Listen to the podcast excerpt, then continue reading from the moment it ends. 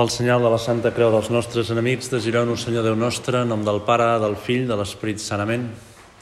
Senyor meu i Déu meu, crec fermament que sou aquí, que em veieu, que m'escolteu. Us adoro amb profunda reverència, us demano perdó dels meus pecats i gràcia per fer fruit aquesta estona d'oració.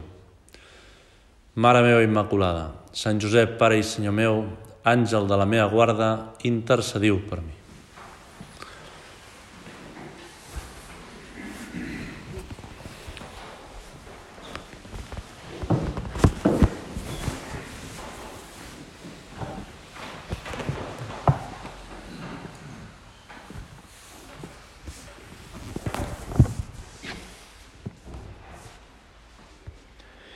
El 2 d'octubre de 1928, unes campanes d'una església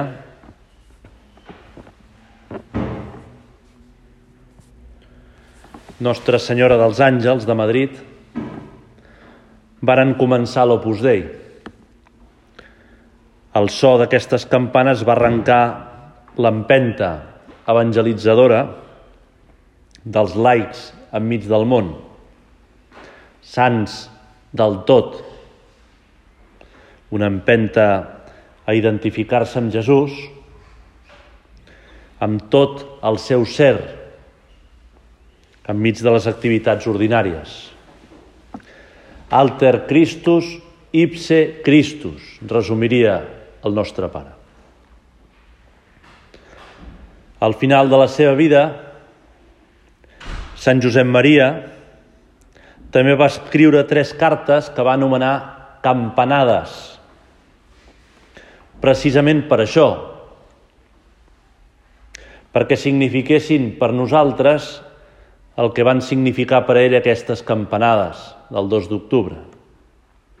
Despertar, animar, empantar, a viure decididament la crida a la santedat i a l'apostolat. Són tres cartes escrites un any abans de morir. Eren uns moments de foscor, uns moments de crisis, obscuritat a l'Església, errors, mala doctrina, mossens que penjaven els hàbits, desencís, cansament, En aquesta situació, el nostre pare estava físicament esgotat. Les conseqüències de la diabetes, les insuficiències que patia, el feien que estigués físicament destrossat. I també estava aixafat per l'enorme pes de l'Església. Tota l'oscuritat de l'Església, tot el, la revolució de, de, de doctrines de l'Església. Per això, a la darrera campanada, el 14 de febrer del 74, escrivia, fixeu que és 14 de febrer, o sigui, en data fundacional. Las gentes, al oír el repique ya familiar, aceleraban definitivamente el paso al oír la tercera campanada. Corrían hacia la casa del Señor. Esta carta es como una tercera invitación en menos de un año para urgir vuestras almas con las exigencias de la vocación nuestra, en medio de la dura prueba que soporta la Iglesia. Quisiera nos digo al nostre pare, que esta campanada metiera en vuestros corazones para siempre la misma alegría e igual vigilia de espíritu que dejaron en mi alma, ha transcurrido ya casi medio siglo, aquellas campanas de Nuestra Señora de los Ángeles. Una campana, pues, de gozos divinos, un silbido de buen pastor que a nadie puede molestar. Sin embargo, hijos míos, habrá de moveros a contrición y si es necesario, suscitará un deseo de profunda reforma interior. Una nueva ascensión del alma, más oración, más mortificación, más espíritu de penitencia, más empeño, si cabe, en ser buenos hijos de la Iglesia. Volia portar a la presència de Déu en aquest recés mensual aquestes paraules del nostre Pare. Aquest mes de novembre les, senti les escoltarem d'una manera similar a molts capítols de l'Evangeli que ens animen a la vella, a despertar, a renovar l'empenta. És el darrer mes de l'any litúrgic. Per nosaltres també pot ser una crida positiva, esperançada, a una nova empenta en la santedat personal. L'apostolat, seguint les paraules del nostre pare. Els que hem fet atletisme en pista, sabem que quan sona la campana és que et queda una volta. Quan feies dos quilòmetres corrents, després de fer mil voltes que ja no sabies quantes em portaves, semblava un hàmster a una roda, de sobte sonava la campana Sabies que era l'última volta. Estaves esgotat, potser volies deixar-ho tot, però en aquell moment la campana et, et removia per dins, t'accelerava, deia, cada, passo, cada pas que dono ja no el repeteixo. És l'últim, és l'últim esforç que puc fer amb aquesta passa, amb aquesta altra, amb aquesta altra. Una cosa semblant ens demana Jesús a través del nostre Pare. Estem davant d'un moment de cansament, una església en minoria que sembla esgotada, Sembla que a vegades piquem pedra, Jesús. Sembla que les coses no surten. Quan un està cansat, troba moltes vegades els mateixos defectes. Tendeix a vegades a pactar amb la mediocritat. Tendeix a protegir-se o amagar-se. El nostre pare, en canvi, ens anima a mantenir la flama encesa. La flama encesa de la conversió personal, de l'apostolat, la flama encesa, Jesús, de saber-te mirar i demanar-te què em vols de mi en aquesta situació que tenim davant. Què esperes que faci? Com puc portar aquesta situació? De fet, a les campanes antigues s'escrivien unes paraules en llatí que deia vivos voco, mortuos plango, fulgura frango. Si no m'equivoco, vol dir crido als vius, ploro als morts, trenco, desfaig els llampets. Vivos voco.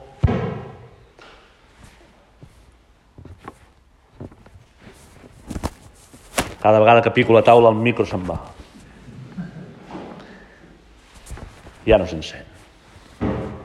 Ara. Amb aquesta campanada, Déu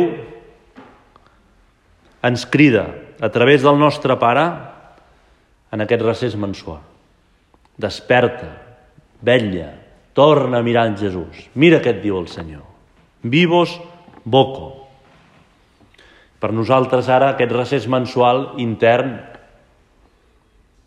és una crida als vius, per veure si podem lluitar més, per identificar-nos amb tu, Senyor. Si tenim o podem tenir més en el nostre cor els sentiments de Jesús, la interioritat de Jesús, el cor de Jesús. Manifestat en el nostre afany de santedat personal, nostre afany d'ànimes.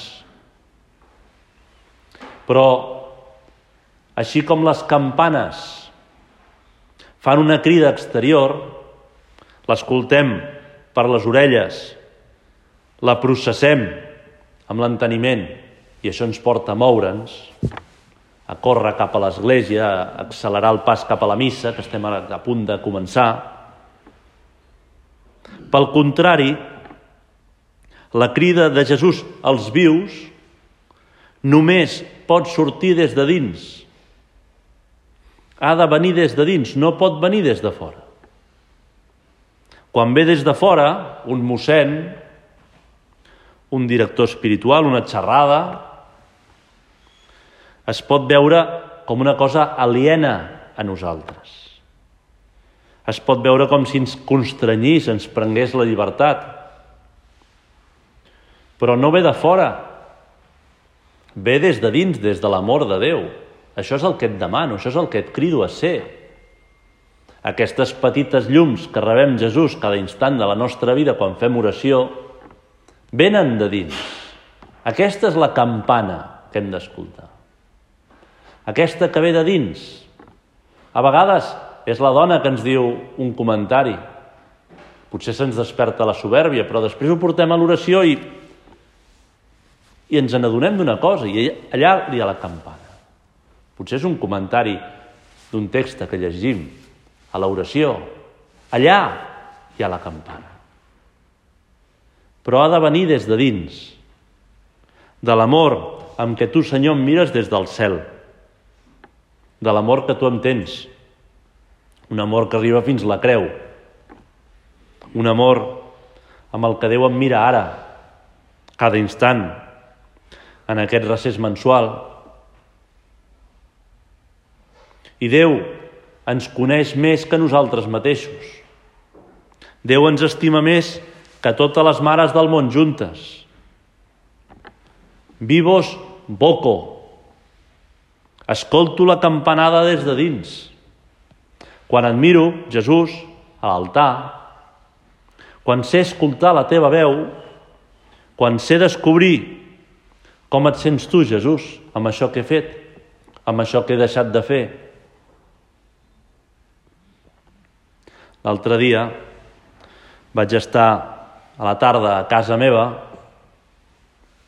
van venir a fer una oració als nanos, quan arriben del col·le brenen, es posen les botes, mengen com bèsties, ja va bé, estan creixent. Després van a l'oratori oratori alimentar la seva ànima. Van entrar a l'oratori, alguns van agafar un llibre, altres no.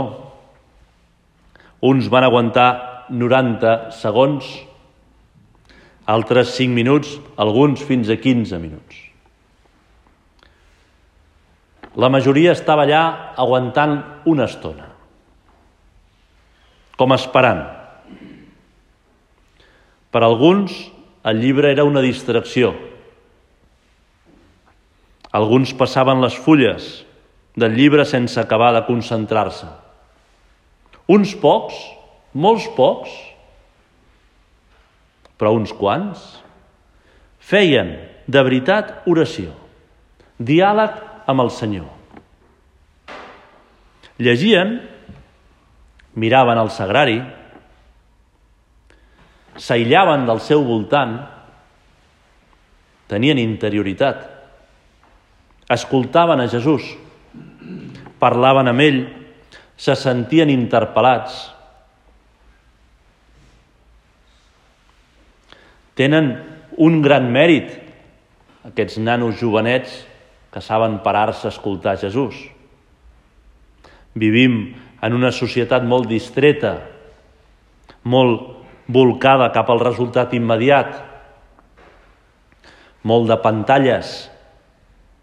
És molt difícil tenir interioritat. És molt difícil, Jesús, escoltar la campanada des de dins.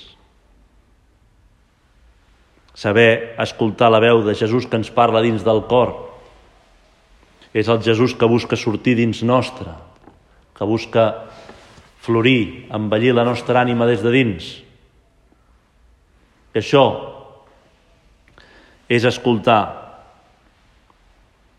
les campanes des de dins. Jesús que vol créixer amb nosaltres. Jesús que vol conquerir més el nostre cor, els nostres pensaments, els nostres desitjos, la nostra caritat. Ahir o abans d'ahir, va impactar molt escoltar una conferència del que va ser secretari personal del papa, Joan Pau, del papa Pau VI, després de Joan Pau I i després de Joan Pau II. Es diu un bisbe irlandès que es deia John Magui. Parla durant mitja hora de la seva relació amb Pau VI, i com estava impressionat per la figura del papa, per la profunditat del papa, per l'espiritualitat del papa. Ho explica amb moltes anècdotes. Mostra la seva humilitat, el seu amor a l'Església en un moment de contestació absoluta, moments finals del papa Pau VI van ser molt durs, des del moment de la publicació de la Humane Vitae va haver-hi una revolta molt forta dins l'Església. Dins l'Església. Aquest papa havia fet el mateix oferiment que va fer Sant Josep Maria, tota la seva vida per expiació per l'Església. Són els mateixos moments de la tercera campanada. Després de moltes anècdotes, aquest conferenciant acaba amb un comentari que és el que em va impactar. Diu, al veure a Pau VI, transparentava a Jesús. El que feia, el que deia, el que pensava, transparentava a Jesús. Jo, veient el papa Pau VI, veia a Jesús. Potser la campanada per nosaltres ve quan ens preguntem la meva dona veu a Jesús quan em mira a mi. Els meus companys de feina, els meus amics, veuen a Jesús quan em miren a mi. Això és el que ens demana la nostra vocació. Aquesta és la gràcia que Déu ens ha concedit. Transformar, transformar el nostre pobre cor, el nostre pobre cor, perquè sigui cada cop més el cor de Crist enmig del món. Aquest món nostre, que com en l'època de nostre pare, en l'època de Pau VI, estava molt més fosc que ara. Il·luminar el món. De fet, el nostre pare, i amb això ja acabo, el 28 d'octubre, perdó, el 2 d'octubre de 1928, a l'escoltar les campanades, i entendre, amb l'expressió que ell deia, entendre l'Opus Dei, va posar-se de genolls a terra. Perquè se'n va donar que era Déu mateix el qui li deia. Que era una llum de Déu. També, per nosaltres, és una llum de Déu. Les petites llums que entenem ara en aquest recés mensual, les petites coses que veiem clares, aquestes coses que acabem lligant al nostre interior que, gràcies a la llum de l'Esperit Sant. També nosaltres hauríem de caure de genolls perquè és Déu qui me les diu. Estic davant del Senyor. Cada instant, cada moment d'oració, petites llums que ens han de portar a caure de genolls a terra. Això és el sentit vocacional de la nostra vida ordinària, cada petit detall. Acabem mirant a la Mare de Déu, Regina Operis Dei. Igual que tu, Mare Nostra, escoltaves a Déu a través de Jesús, a través de la humanitat santíssima de Jesús, però no deixa de ser una, una mediació, que també nosaltres sapiguem escoltar Déu amb aquestes llums, que també nosaltres seguim escoltant aquestes campanades amb les petites llums que cada dia, campanades que ens fan posar de genolls perquè estem davant de Déu, que ens diu coses petites, però són les que podem fer. Que sapiguem, Mare Nostra, escoltar Déu a través d'aquestes petites llums.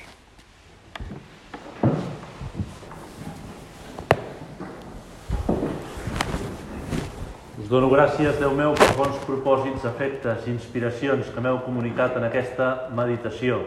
Us demano ajuda per posar-los per obra. Mare meva Immaculada, Sant Josep, Pare i Senyor meu, àngel de la meva guarda, intercediu